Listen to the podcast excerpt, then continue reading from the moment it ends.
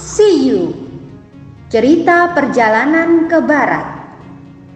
Ditulis oleh Wu Cheng En Diterbitkan oleh Buana Sastra. Selamat mendengarkan.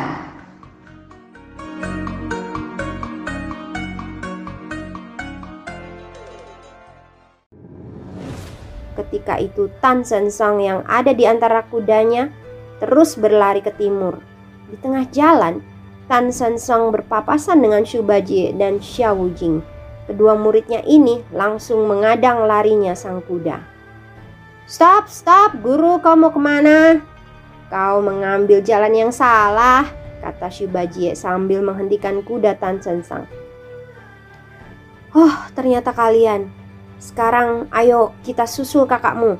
Nanti setelah kalian bertemu dengannya, katakan kepadanya agar dia jangan membunuh penyamun itu Kasihanilah mereka, kata Sanzang. Baik, guru, aku yang akan mencari kakak.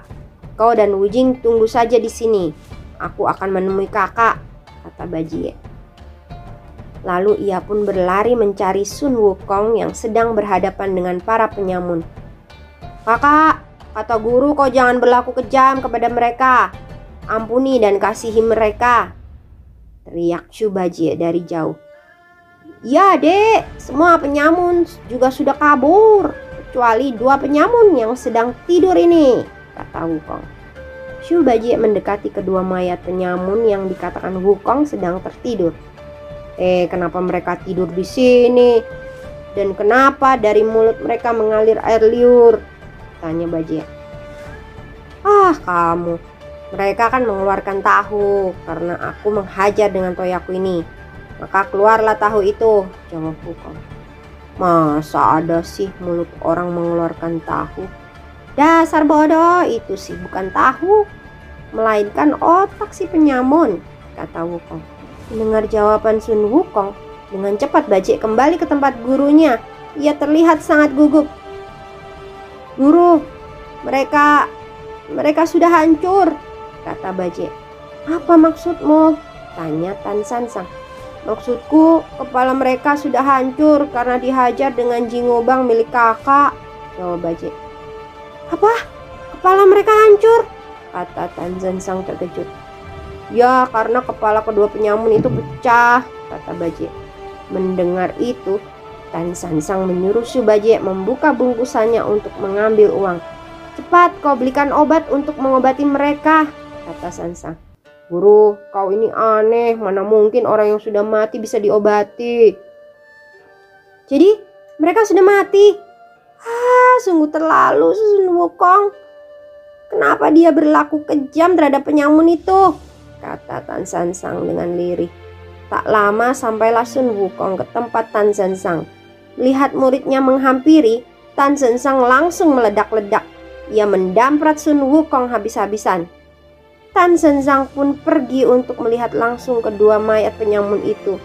Begitu melihatnya, ia jadi merasa sangat kasihan. Oh, kasihan sekali mereka. Tentunya anak dan istri mereka sedang menunggunya. Sekarang lekas kubur mayat mereka. Perintah Sanzang kepada Bajie. Tapi tunggulah sebentar, biar ku bacakan doa untuk mereka. Guru, kau salah menyuruh orang. Bukankah kakak yang membunuh penyamun itu? Suruh saja dia yang mengubur. Kenapa guru menyuruhku mengubur mayat itu? Keluh Bajie. Tan Sensang yang mendapat protes dari Chu Bajie, akhirnya ia menyuruh Wukong mengubur kedua mayat penyamun itu sambil marah-marah. Hei pemalas, rupanya kau pun mau merasakan toyaku ya? Kata Wukong sambil menunjukkan toyanya pada Bajie. Melihat kakaknya marah, bukan main takutnya Bajie. Maka dengan terpaksa ia pun mulai menggali lubang. Setelah selesai, ia menguburkan kedua mayat penyamun yang malang itu. Wukong, cepat ambil Hio dan Lilin. Aku akan menyembahyangi mereka, kata Tan Sansang kemudian. Ah, guru, kita kan tidak membawa Hio dan Lilin. Kalau mau beli lilin pun beli di mana? Tempatnya saja jauh dari kota. kata Wukong. Tan Sensang merasa kurang puas, namun ia sadar ia tak dapat berbuat apa-apa. Ia hanya mengambil segumpal tanah untuk pengganti Hio dan Lilin. Kemudian ia bersembahyang menyembahyangi arwah kedua penyamun itu. Orang kuat, coba dengar kata-kataku. Aku biksu tang dari timur yang hendak kau rampok. Ingin menyembahyangimu agar kau diterima di sana dengan baik. Walaupun aku tak tahu marga dan namamu, kalian terpaksa hanya menerima nasib demikian karena salahmu sendiri. Kenapa tak kau dengarkan nasihatku? Hingga akhirnya muridku yang bernama Wukong telah membunuh kalian berdua. Karena aku masih merasa kasihan melihat mayatmu tergeletak di alam terbuka, kusuruh muridku untuk mengubur kalian. Selain itu, aku juga minta maaf karena kalian hanya disembahyangi dengan amat sederhana. Namun, jika kelak kalian sampai ke langit, kalian pun boleh mengingat-ingat siapa musuhmu itu. Jika rohmu masih penasaran, kau cari saja pembunuhmu. Jadi jangan salahkan aku, kata Sansang. Wah, ternyata doa guru benar-benar untuk membersihkan diri dari dosa. Kalau begitu, tolong guru katakan juga, ketika mereka dibunuh, aku dan Xiao Wujing tak ada di tempat kejadian kata Bajie. Tan Sensang pun menurut. Karena itu, ia pun mulai berdoa lagi. Muridku benar. Dia dan Wu Jing memang tak ada di tempat kejadian sewaktu kalian dibunuh. Jadi, kalau kalian mau membalas dendam, cari saja Sun Wukong. Jangan kau bawa Subajie dan Xia Wujing. Lanjut Sansang. Sebenarnya hati Sun Wukong panas dan kesal tapi ia hanya tertawa ketika mendengar doa gurunya itu. Ia pun berkata, "Guru, ternyata kau berat sebelah. Tindakanmu pun tidak adil. Padahal aku berbuat demikian demi keselamatanmu juga. Tapi kenapa kau begini? Apa karena aku bunuh kedua penyamun itu, guru melupakan jasaku yang selalu melindungi keselamatan guru? Ketahuilah guru, Sebenarnya aku pun mengakui bahwa akulah yang membunuh mereka. Tapi kenapa guru begitu tega menganjurkan mereka membalas dendam hanya kepada aku? Padahal kalau guru tidak pergi ke barat, sudah pasti aku tak akan menjadi muridmu. Dengan sendirinya aku pun tidak akan datang ke tempat ini untuk membunuh mereka. Biarlah kalau begitu aku pun ingin menyembahyangi mereka. Wukong mendekati kedua kuburan penyamun itu. Kemudian dengan toyanya, ia hajar kuburan mereka. Hei penyamun, dengar baik-baik perkataanku. Sebelum kubunuh, kalian sudah kuberi kesempatan. Tetapi bukannya pergi, kalian malah menyerangku berulang-ulang. Jadi karena ulah kalianlah hingga akhirnya kalian kuhajar sampai mati. Nanti kalau kalian mau mendakwaku di langit, aku pun tidak takut.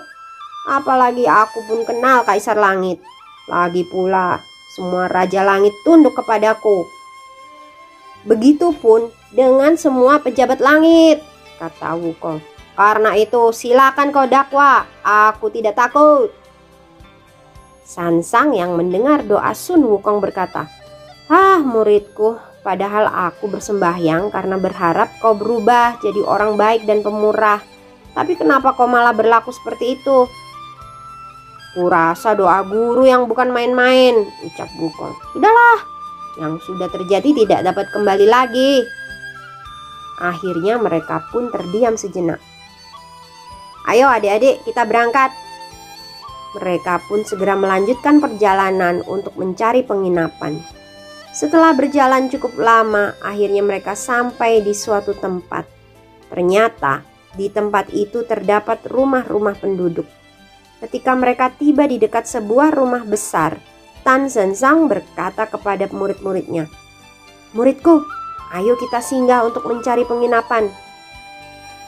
Lalu mereka menuju sebuah rumah besar. Di sana terdapat taman yang bagus. Pemandangan di sekitarnya pun amat indah. Tiba-tiba muncul seorang tua dari dalam rumah besar itu. Tuan-tuan, dari manakah asal kalian? Tanya orang tua itu. Tan Sensang lalu menjelaskan asal-usul mereka serta tujuannya. Karena itu, kalau diizinkan, kami bermaksud untuk menginap di sini. Kalau boleh, hanya semalam saja kami tidur di sini, kata Sansang. Sekarang, mana murid-muridmu, guru? Tanya si orang tua itu lagi. Mereka ada di sana, jawab Sanzang sambil menunjuk sebuah pohon tempat murid-muridnya sedang menunggu. Sun Bukong dan kedua saudara angkatnya menoleh ke arah si orang tua itu. Namun ketika orang tua itu menatap mereka, betapa terkejutnya dia. Ternyata wajah murid Tan San Zhang begitu menakutkan. Diam-diam orang tua itu berusaha kabur. Menyadari itu Tan San Zhang buru-buru mencegah orang tua itu lari. Jangan takut tuan, walau wajah mereka menyeramkan, hati mereka baik. Apalagi mereka itu murid-muridku, jadi tidak mungkin berbuat jahat kepadamu kata Sanzang. Orang tua itu sudah terlanjur ketakutan, tubuhnya gemetaran, mulutnya pun tak bisa berbicara. Sambil menggeleng-gelengkan kepalanya, orang tua itu berkata, Aku takut melihat mereka. Tan Sanzang tertawa. Sudah kukatakan, Tuan tak usah takut kepada mereka. Aku tidak berbohong kepada Tuan. Sekalipun wajah mereka buruk, hatinya baik mereka kan murid-muridku. Karena itu, aku tahu tabiat mereka satu persatu. Kata Sansang lagi.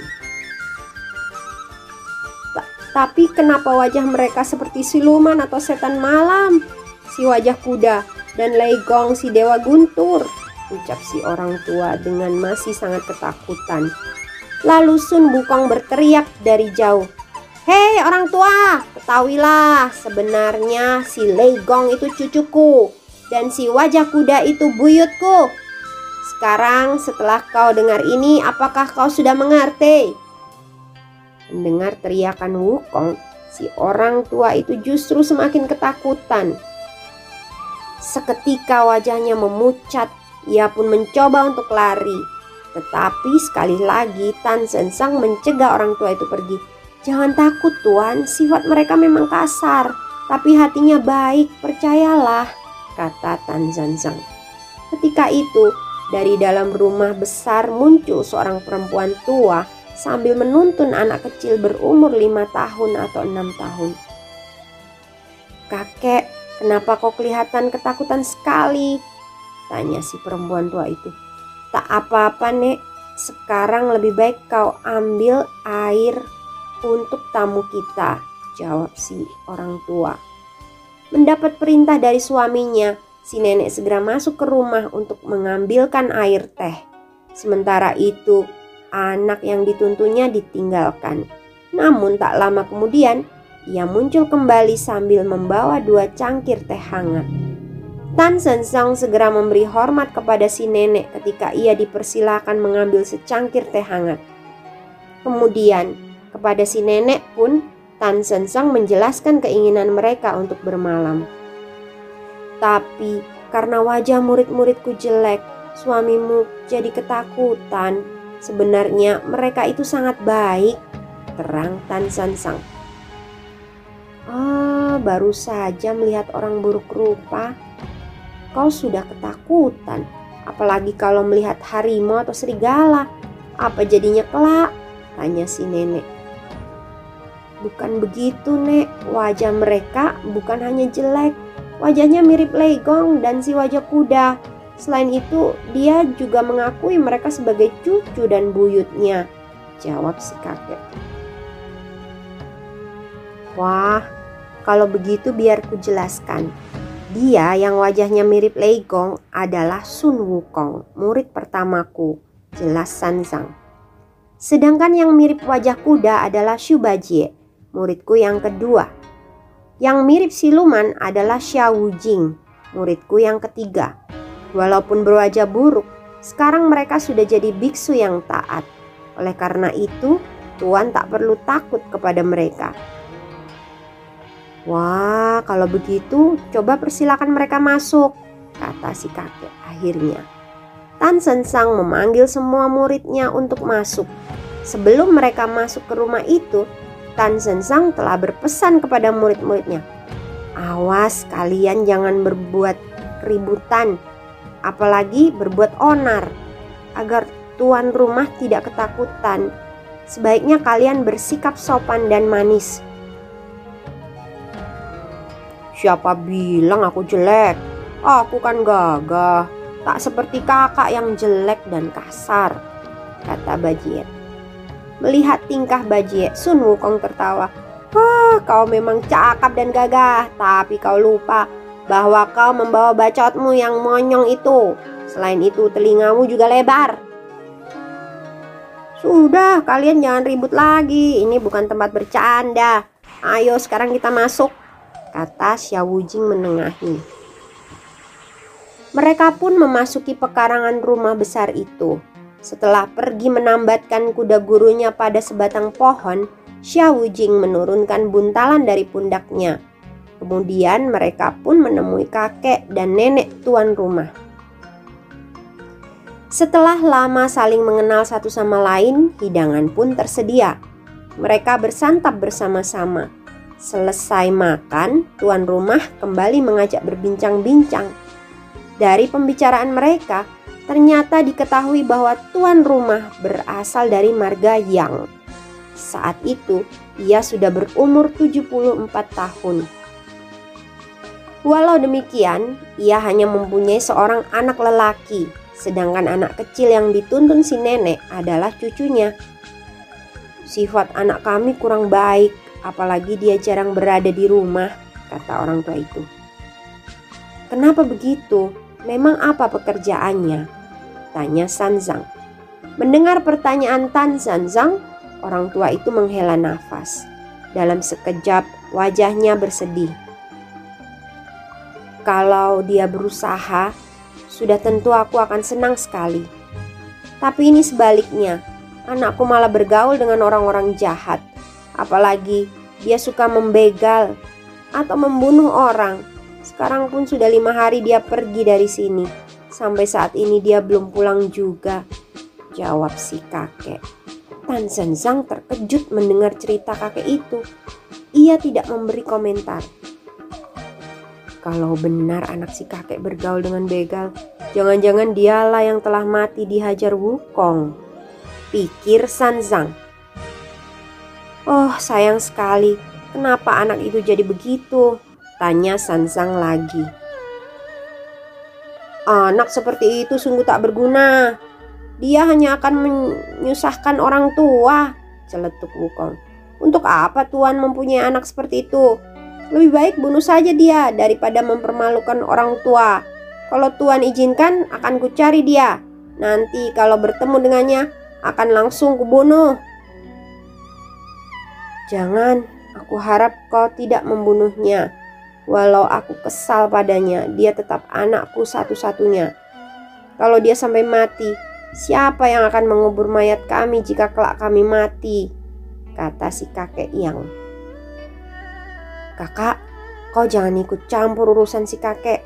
Kita kan bukan pembesar negeri. Lebih baik kau minta saja rumput kepada beliau untuk kita beristirahat.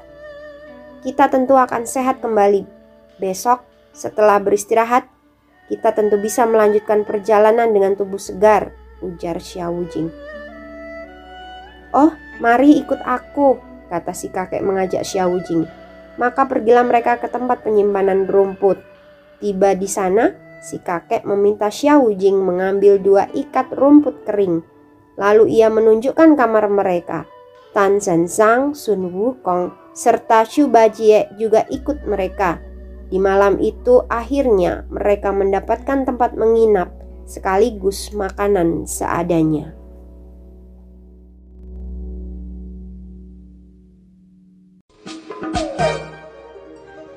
Dengarkan kisah selanjutnya dengan teman membaca yang lain.